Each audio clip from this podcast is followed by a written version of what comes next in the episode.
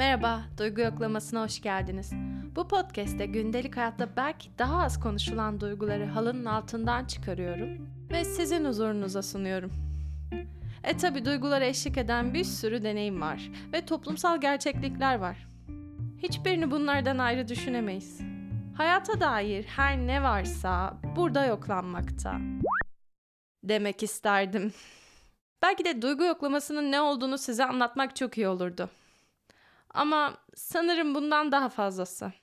En iyisi sizi direkt bölümlere davet edeyim. Hoş geldiniz.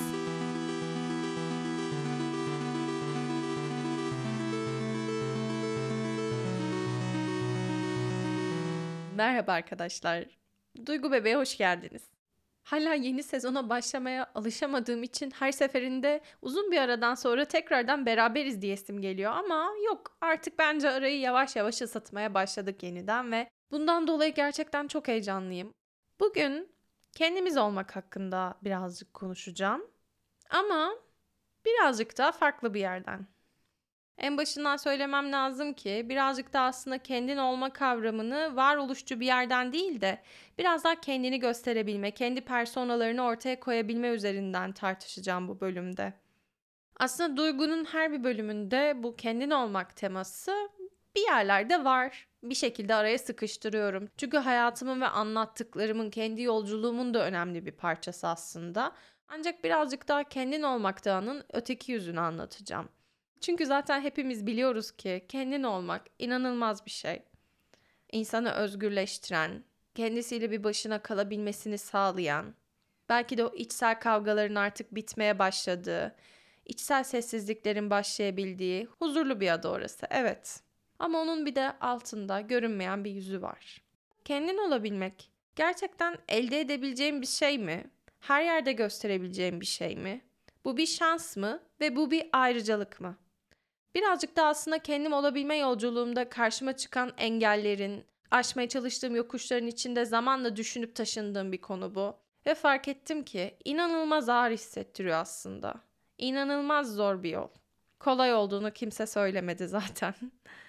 Şimdi konuya biraz bodoslama dalıyor gibi olacağım ama kendin olmaya dair müthiş bir tespitim var. Buna belki katılırsınız, belki katılmazsınız tabii ki. Şimdi dediğim gibi birazcık daha bugün aslında bir at sinekliği yapıyorum. O yüzden kendin olabilmeye dair böyle iç gıcıklayıcı şeyler söyleyebilirim. Ancak bir taraftan da toplumsal bir yerden bakıldığında doğruluk payı olduğunu düşünüyorum. Öncelikle kendin olabilmek gerçekten bir ayrıcalıklı işi. Yani aslında sınıfsal bir şey. Farkındayım bu ikinci sezonda birazcık da işin içine sosyolojik terimler katıyorum ama gerçekten artık hiçbir şeyi toplumdan ayrı düşünemez bir hale geldim. Bu tez beni gerçekten böyle bir insana dönüştürdü. Yakında zaten birazcık da eleştirel psikoloji okumalarına falan da dalmaya başlayacağım. Yandık bittik kül olduk ama söz veriyorum çok da fazla abartmayacağım bunu. Ama kendin olabilmek sınıfsal bir şey abi ya. Bir kere zaten toplumda kim kendisi olarak var olabiliyor? O toplumun içerisindeki baskın olabilen, kendi gücünü gösterebilen kesimler. Şimdi buna erkekler diyebiliriz, beyazlar diyebiliriz, heteroseksüeller diyebiliriz. Yani sen ayrıcalıklı bir sınıftaysan, tırnak içinde ayrıcalıklı, daha az temsil edilen bir grup değilsen, bir azınlık değilsen, toplumda ezilen bir yerden gelmiyorsan aslında ve tabii bir taraftan da böyle daha kaymak tabaka dediğimiz sermaye sınıfından geliyorsan kendi otantik benliğini aslında gösterebilmen, ortaya koyabilmen birazcık daha kolay bir hale geliyor. Neden? Çünkü aslında senin kimliklerinle, kendinle herhangi bir problemin yok demektir. Kendi benliğini saklamak zorunda kalmadın demektir hiçbir zaman. Hatta senin sahip olduğun kimliklerin e, bir şekilde pohpohlanmıştır ve sana bir hediye olarak sunulmuştur toplum tarafından. Ve bu yüzden belki de aslında Hiçbir zaman sahip olduğun kimliklerinden dolayı bir baskıya maruz kalmamışsındır. Ve kendin olabilme özgürlüğünü kendinde hissedebiliyorsundur.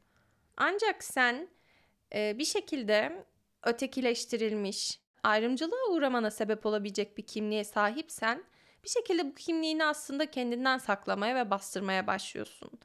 Bu aralar yenice dikkat eksikliği ve hiperaktivite bozukluğu tanısı aldığım için DHB'den örnek vereceğim.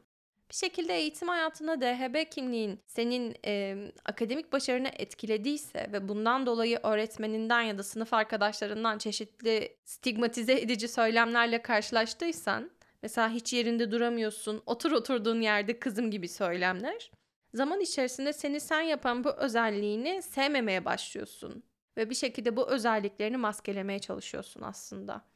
Ve hal böyleyken kendin olabilmek de belki de ileriki yaşlarda daha zor bir hale geliyor.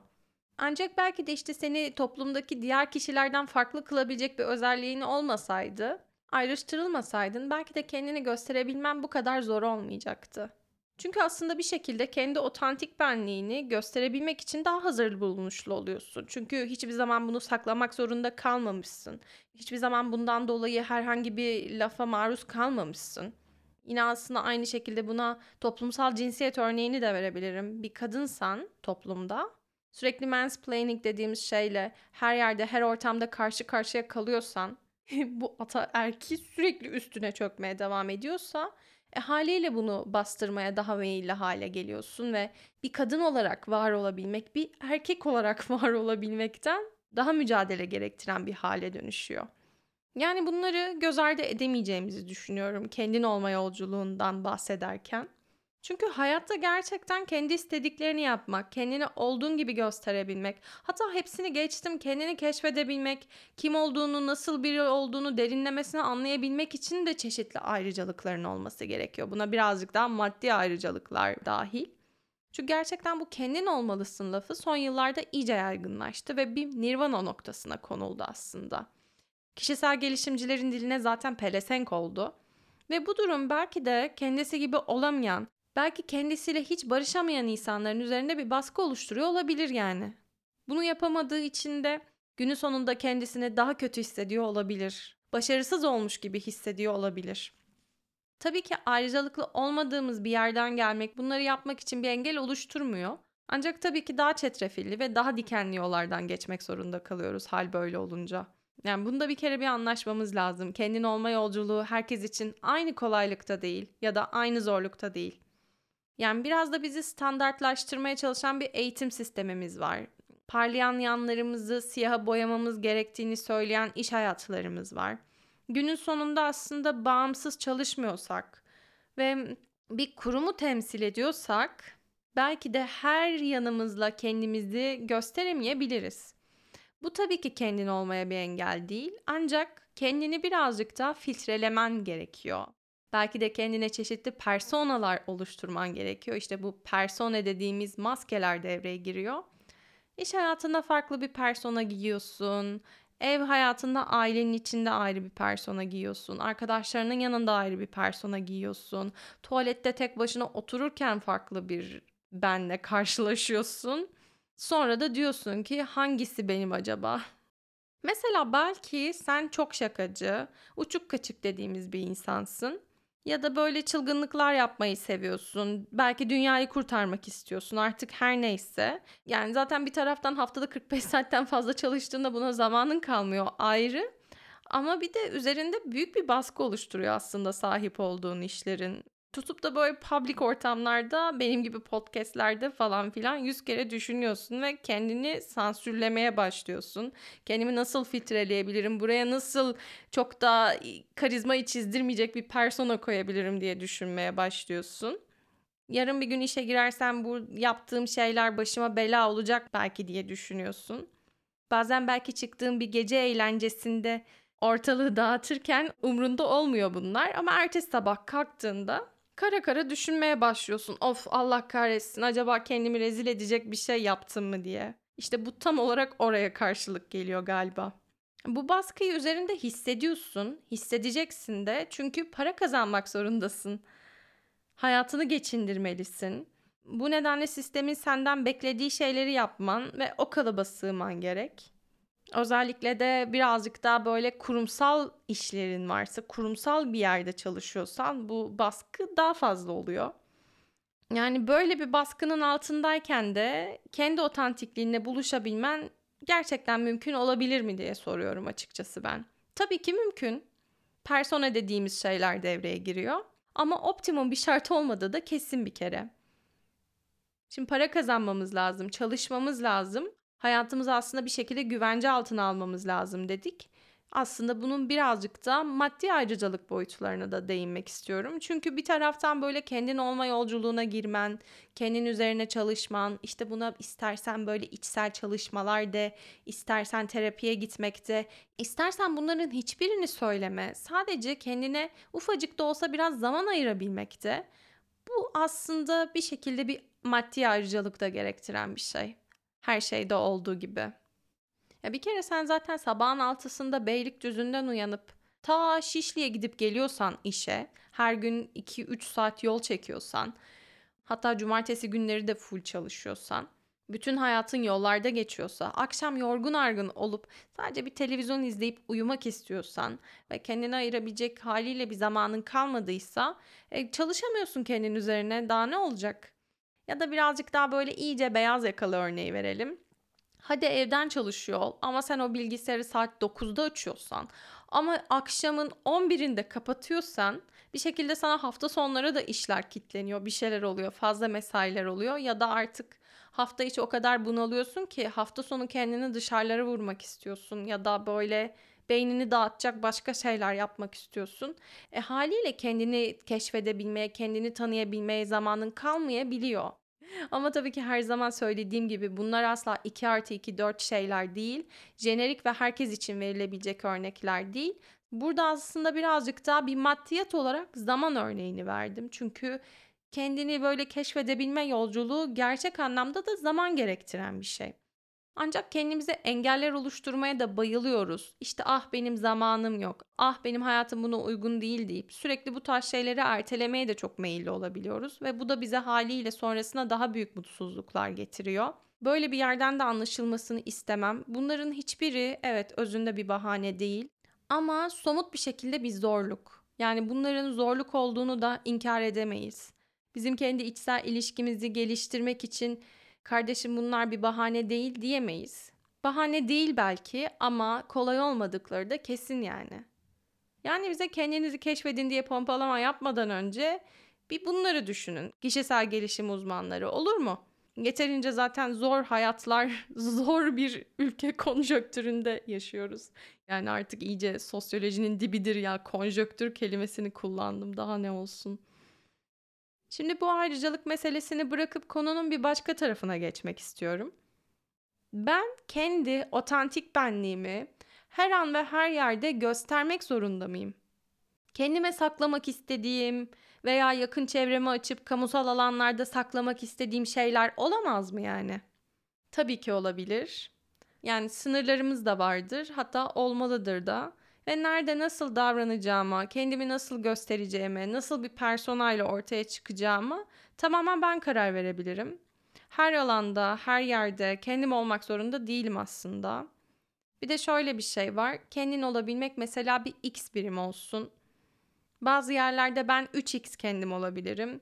Bazı yerlerde 5x kendim olabilirim. Bazı yerlerde de 100x kendim olabilirim. Bazı yerlerde de 0x olabilir mesela bu. Yani bunun sınırını çizmek de aslında bana ait. İşte bazı yerlerde var ki biraz daha böyle iyice soğuk denilen adliyeler gibi devlet daireleri gibi yerler. Böyle yerlerde de zaten mekanlar seni o sınırları çizmeye itiyor. Yani bu noktada tamamen evet kendim olabilme özgürlüğüm her yerde kendim olabilme özgürlüğümüdür sorusu yükseliyor. Yani tabii ki de keşke bu özgürlüğe sahip olabilsek ama aslında kendim olma özgürlüğüne sahip olsam bile her yerde kendim olmak zorunda değilim. Her yerde kendimi göstermek zorunda değilim. Bilmiyorum bu bence çok özgürleştirici bir cümle gibi geliyor bana. Buna dair de aslında çok çok somut bir örneğim var. Duygu bebeği ilk başladığım zamanlarda burada cesaretli biri olmam gerektiğine dair bir inancım vardı. Kendime olduğum gibi bütün şeffaflığıyla, bütün çıplaklığıyla her yönümle göstermeliyim diye düşünüyordum. Hayatımda ne oluyorsa bütün hepsini, bütün travmalarımı, işte başıma gelen bütün belaları anlatmalıydım gibi düşünüyordum. Ya bunu yapan başka podcasterlar vardı çünkü başarılıydılar da ve çok cesaretli oldukları için de takdir ediliyorlardı ve kendileri olabildiklerini de söylüyorlardı. Bu wow bir durumdu ve dedim ki ben de yapmalıyım bunu. Ama zaman içerisinde bu durum benim üzerimde bir baskı oluşturmaya başladı ve bunun baskısını zaman içerisinde fark etmeye başladım. Yani tamam ben insan hayatının dertlerinden konuşmak istiyordum. Bir yerlerde ortaklaşmak istiyordum ama kendi dertlerimi de tüm çıplaklığıyla anlatmak istemediğimi fark ettim. Yani bu yüzden de kendimi kötü hissediyordum. Neden? Çünkü sınırlarım ihlal edilmiş gibi hissediyordum. Dolayısıyla da bunu yapamayınca da ben demek ki cesaretsiz biriymişim diyordum.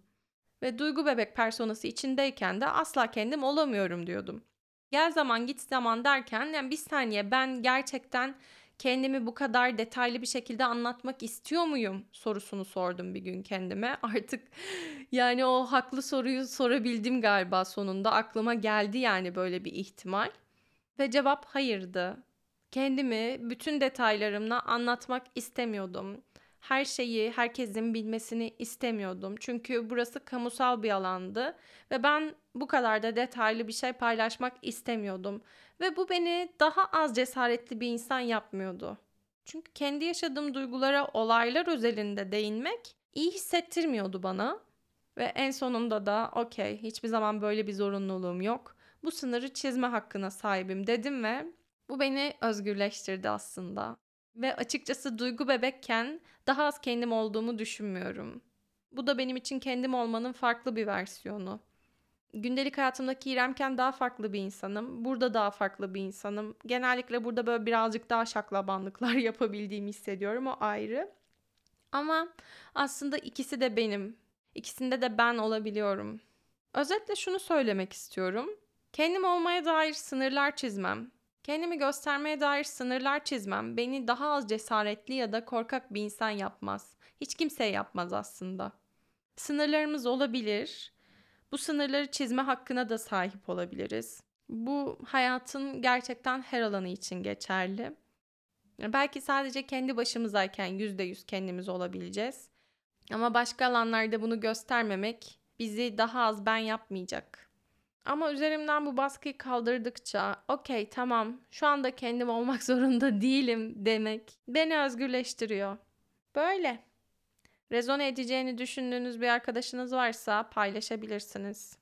Artık size beni takip edin, zile basın paylaşın tarzı darlamalar yapmak istemiyorum. Hmm, zaten biliyorsunuz. Öyleyse sonraki bölümlerde görüşmek üzere. Sizi seviyorum. Bay bay.